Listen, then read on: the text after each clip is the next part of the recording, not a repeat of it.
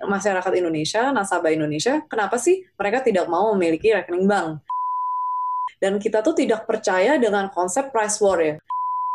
Contohnya, masyarakat milenial di Indonesia itu rata-rata hanya menabung sekitar 10%. Daily Social Podcast.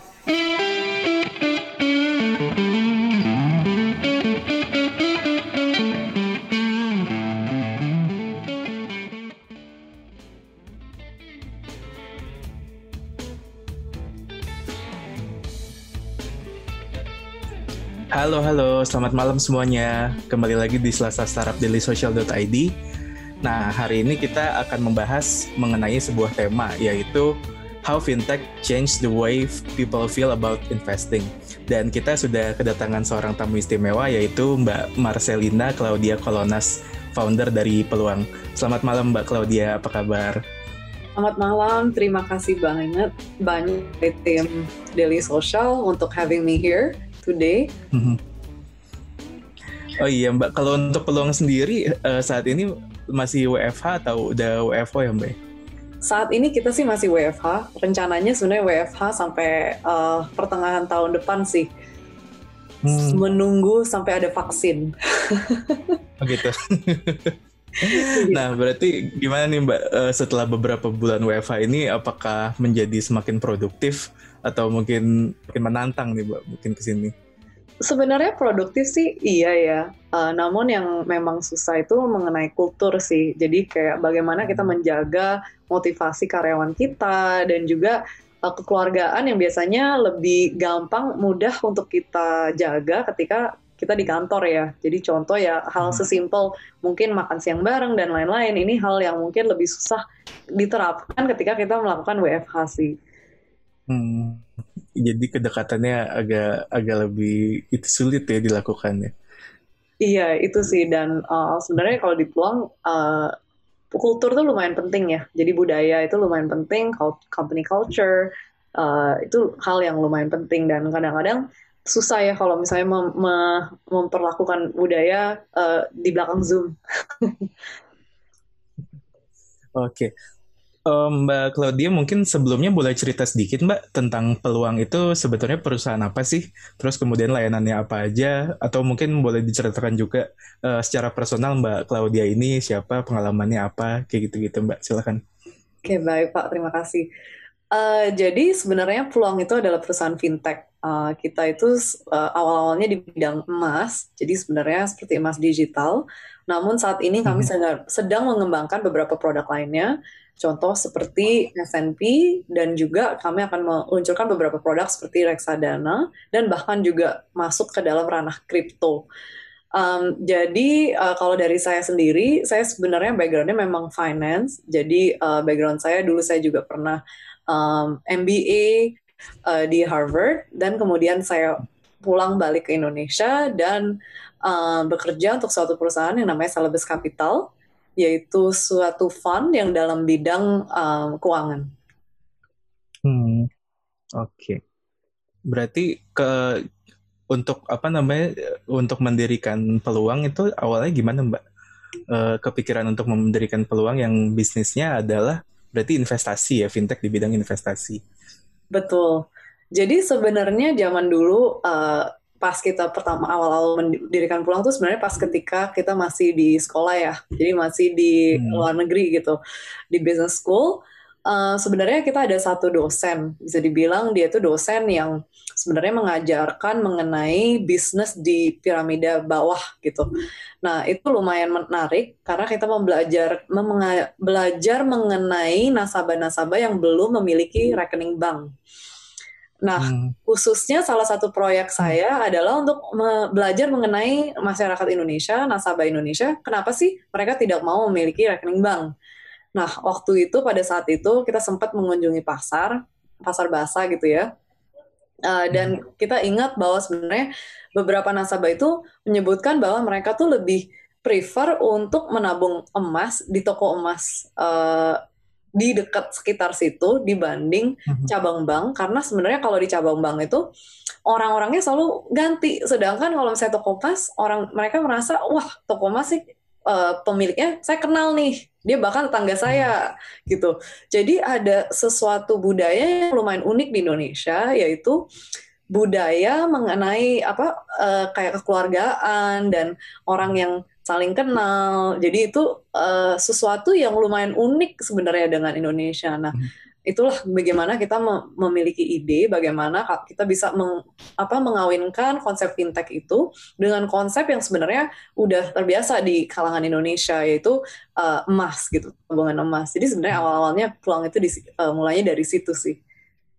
Mungkin kalau lebih dekat dan lebih kenal uh, trustnya lebih tinggi gitu mbak ya kalau untuk orang Indonesia ya iya itu sih jadi uh, lucunya di situ dan jadi ada social aspect di Indonesia yang sebenarnya sangat beda dengan negara lainnya ya, di mana uh, social aspect itu lebih kuat di Indonesia. Oke, okay. nah kalau uh, peluang ini kan dulu sebetulnya awalnya didirikan dengan nama Emas Digi ya kalau nggak salah ya. Di, jadi di tahun 2019 itu uh, Mas Digi kan melakukan rebranding nih menjadi peluang. Nah, uh, setelah rebranding ini apa sih Mbak dampaknya bagi peluang baik dari sisi bisnis, dari pengguna, produk dan sebagainya? Ya, jadi sebenarnya pada awalnya startup kami itu berdiri um, dengan fokus hanya tabungan emas. Jadi hmm. uh, awal-awalnya memang brand kita ya Mas Digi ya itu ya karena memang fokus kita kan tabungan emas gitu. Nah, namun uh, setelah jalannya waktu, kita lihat bahwa banyak sekali demand dan um, dari konsumen kita untuk meluncurkan produk-produk lainnya. Sehingga strategi branding itu kita lakukan karena pada saat itu kami berencana meluncurkan produk investasi lainnya selain emas. Jadi kita merasa butuh mencari brand yang lebih representatif juga untuk berbagai produk lainnya yang kami akan tawarkan. Nah, brand kami adalah gubahan sebenarnya dari kata peluang yang artinya itu kesempatan. Jadi uh, kesempatan itu memungkus uh, tiga suku kata menjadi dua. Jadi ada uh, bagian dari filosofi kami yaitu membuat hidup berfinansial jadi lebih mudah hingga terbuka buat semua orang. Hmm. Oke oke. Nah, kalau untuk kondisi ekosistemnya sendiri Mbak di Indonesia, kalau apa kalau menurut Mbak Claudia sendiri kondisi ekosistem fintech uh, yang khususnya di investasi digital ini seperti apa sih Mbak? Uh, kemudian kalau dari jumlah startupnya apakah ada yang menyebabkan persaingan ketat gitu dari segi jumlahnya atau masih aman-aman aja? Oke, jadi ya sebenarnya sih persaingan ada ya, dan persaingan hmm. itu bahkan sebenarnya bisa dibilang ya memang ketat ya. Namun menurut saya sih paling penting kita itu membu membuat solusi keuangan yang sangat unik dan hanya ada di peluang gitu. Jadi sebenarnya um, kita itu bisnis modelnya sebenarnya lumayan unik karena kita bukan hanya sebuah marketplace, tapi kita juga memikirkan sebenarnya produk apa sih yang bisa diajukan um, sehingga konsumen itu uh, bisa membeli dari kami dan kita tuh tidak percaya dengan konsep price war ya, di mana kita tuh hanya uh, menjual hmm. produk yang sebenarnya udah ada di platform lain dan kita um, apa uh, membakar-bakar duit intinya gitu untuk uh, mengembangkan produk kita gitu. Jadi kita tuh sebenarnya memang dari awalnya dari awal masalahnya meskipun kita memang teknologinya juga strong ya, namun kita tuh sebenarnya awal mulanya itu dari background finansial. Jadi kita memang memikirkan produk itu dari awal, dari ujung sampai hilir itu bagaimana me menciptakan produk keuangan yang unik.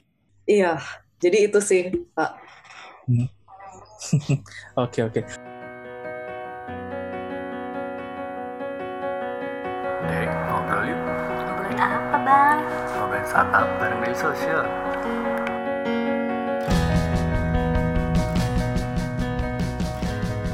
Daily Social Podcast. Terus kalau dari segi growth-nya sendiri, gimana ya Mbak? Kalau sejak diluncurkan, uh, growth uh, yang dicapai oleh Peluang sampai sejauh ini itu seperti apa sih Mbak? Jadi sebenarnya kita tidak bisa um, nge-share data spesifik ya, terus terang. Namun sebenarnya pertumbuhan kami di Peluang sih lumayan bagus lah bisa dibilang ya. um, terutama karena kami juga memang uh, bekerja sama dengan beberapa partner B2B seperti Gojek, Dana, dan Bukalapak. Hmm. Dan itu memang sangat membantu banget untuk pertumbuhan kami karena mereka memang distribusinya juga udah luas, pelanggannya juga sudah luas sekali gitu.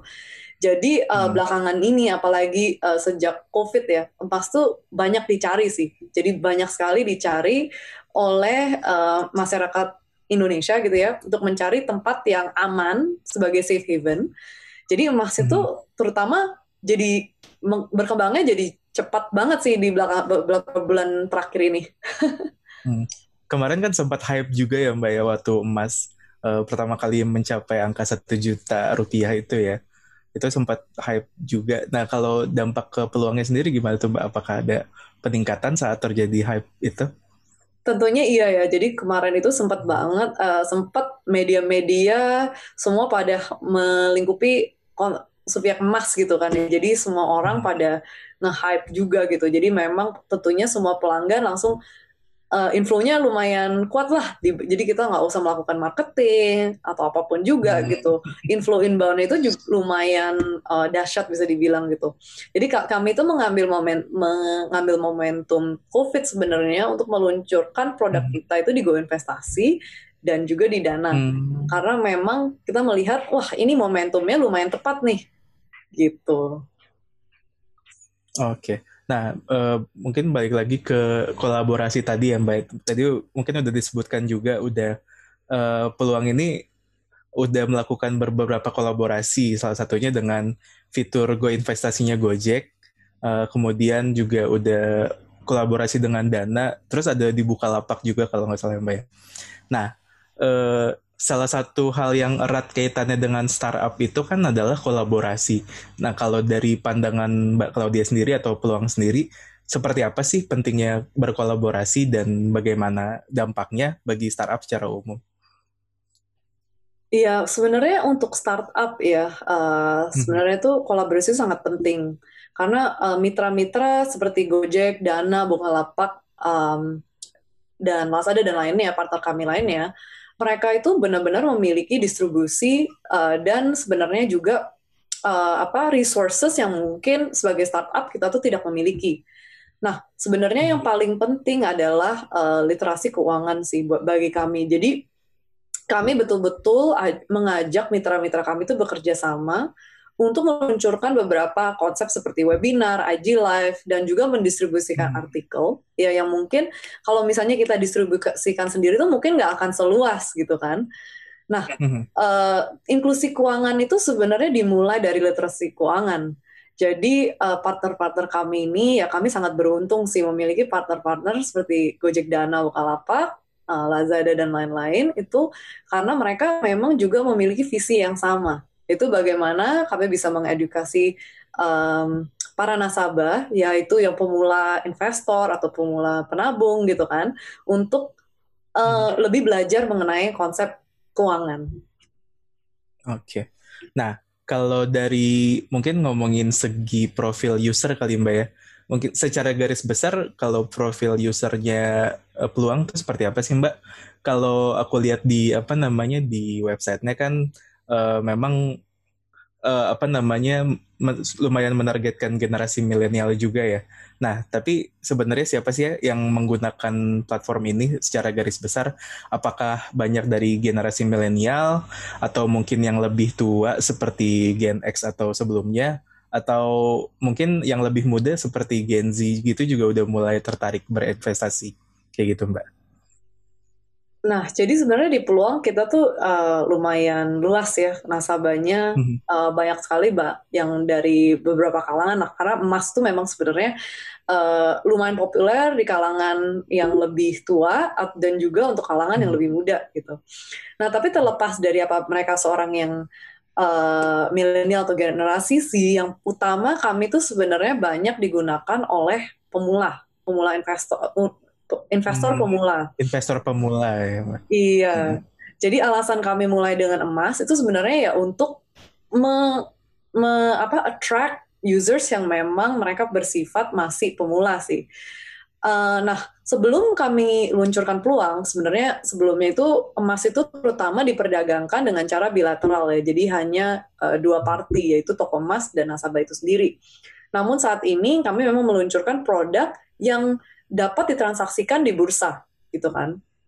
Nah, hmm. jadi um, hal seperti ini yang membuat nasabah-nasabah, terutama yang mungkin sebelumnya mereka terbiasa dengan konsep yang lama, jadi pindah ke peluang Uh, jadi hampir 30% nasabah kita itu memang milenial, namun dari 70% yang lagi sisanya itu uh, uh, orang yang memang bukan milenial gitu. gitu, lebih tua gitu. Hmm. Oke. Okay. Kalau Gen Z tadi ada juga Mbak? Udah ada yang mulai tertarik gitu? Dari oh iya. Generasi. Gen Z termasuk sih di milenial itu tadi sih sebenarnya ya. Ah, iya. Jadi kita memang bakatnya sama satu tempat. Oke, oke. Tapi saya nah, tidak ingat kalau... specifically berapa proportionnya. Ah, oke, oke, oke. Jangan lupa subscribe Ngobrolin Startup Daily Social Podcast di SoundCloud, Spotify, atau aplikasi podcast favorit kamu. Uh, nah, kalau misalnya uh, kelebihan dari fintech investasi dibanding kalau kita bandingkan dengan produk tabungan atau investasi yang dimiliki oleh perbankan ya Mbak ya. Itu kelebihannya kalau menurut Mbak Claudia sendiri itu seperti apa sih? Selain dari teknologi yang digunakan, mungkin ada kelebihan-kelebihan lain? Ya, jadi sebenarnya um, konsep uh, apa fintech itu adalah kami tuh gampang diakses ya. Jadi mudah diakses. Hmm um, sebelumnya mungkin orang kalau beli emas itu harga emas yang ada di Bali atau harga emas di Jakarta tuh berbeda gitu kan.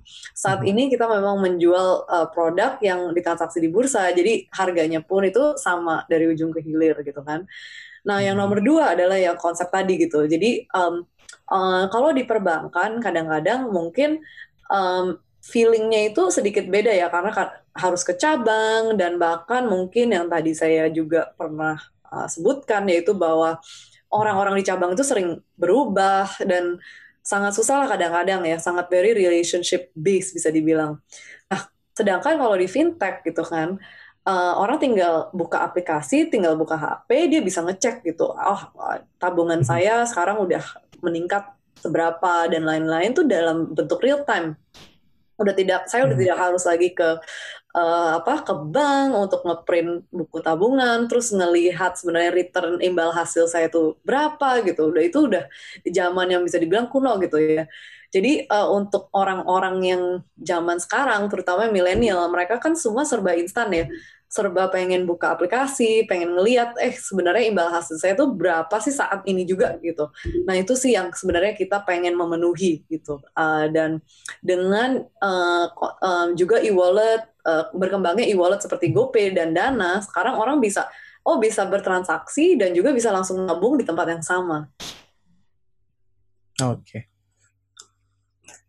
itu kalau itu berarti lebih kepada kelebihannya dibanding dengan produk perbankan yang berarti lebih praktis. Kemudian karena memang uh, bisa diakses lewat smartphone, jadi memang bisa diakses secara real time kapan pun di mana pun uh, kita bisa langsung lihat nih uh, perkembangan investasi kita seperti apa gitu ya mbak ya.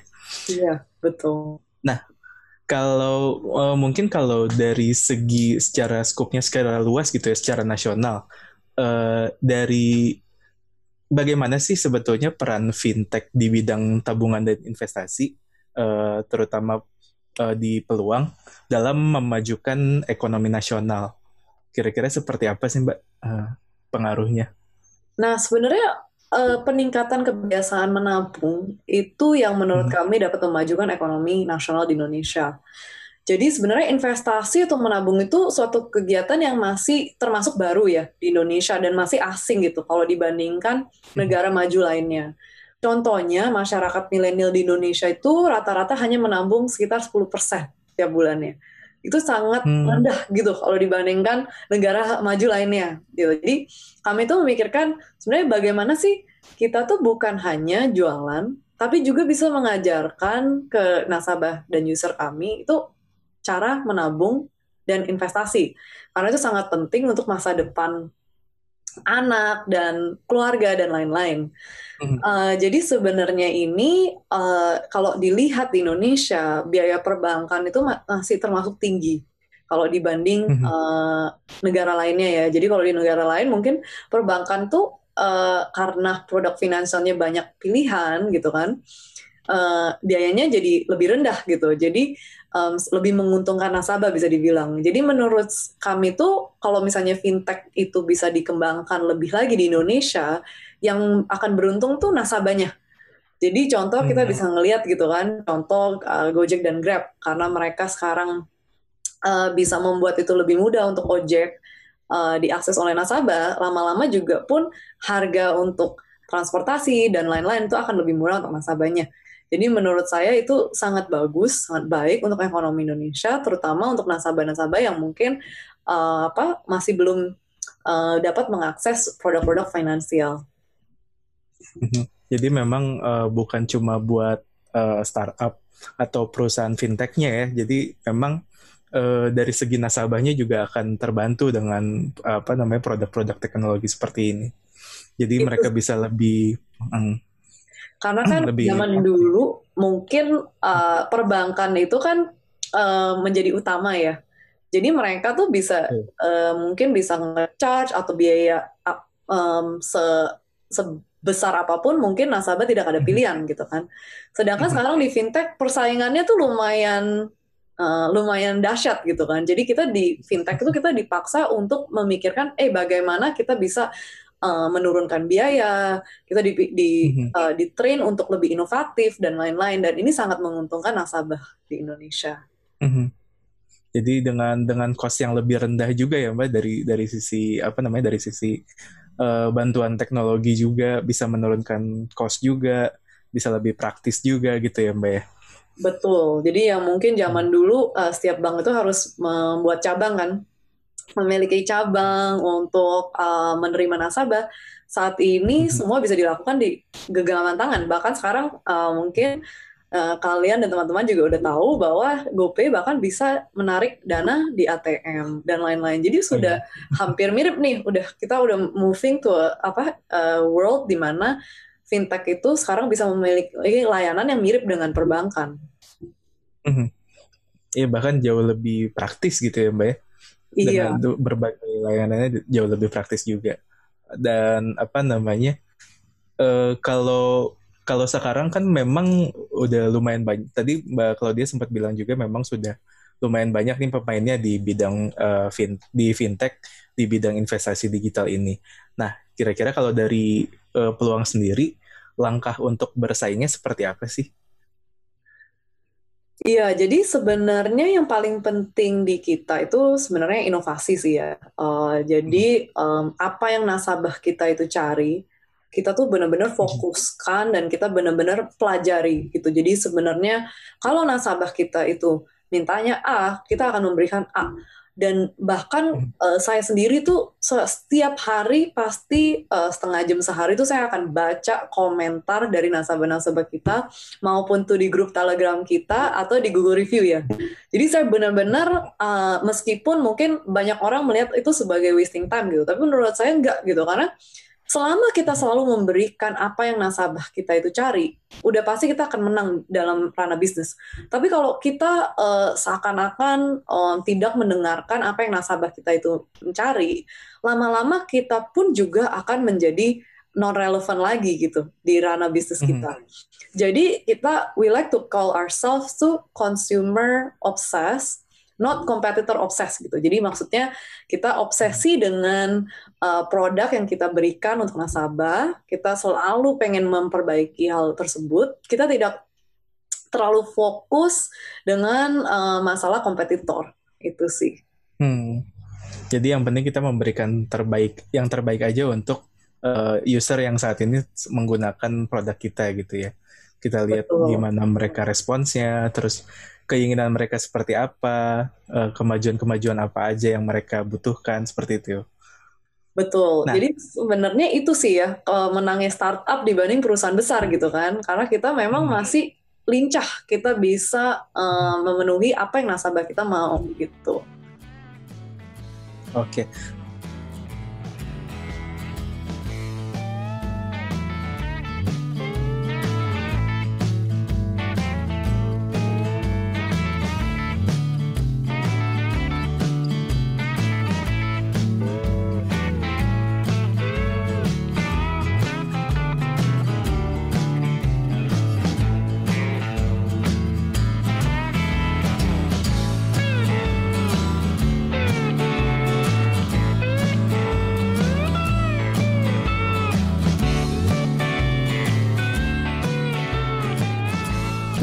Touch bersama kita di dailysocial.id untuk website kita.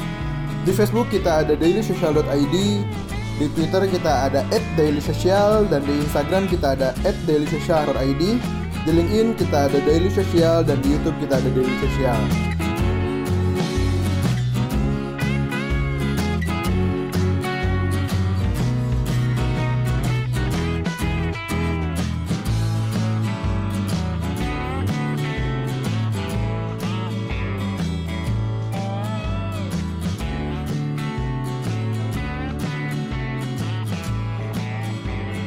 Daily Social Podcast.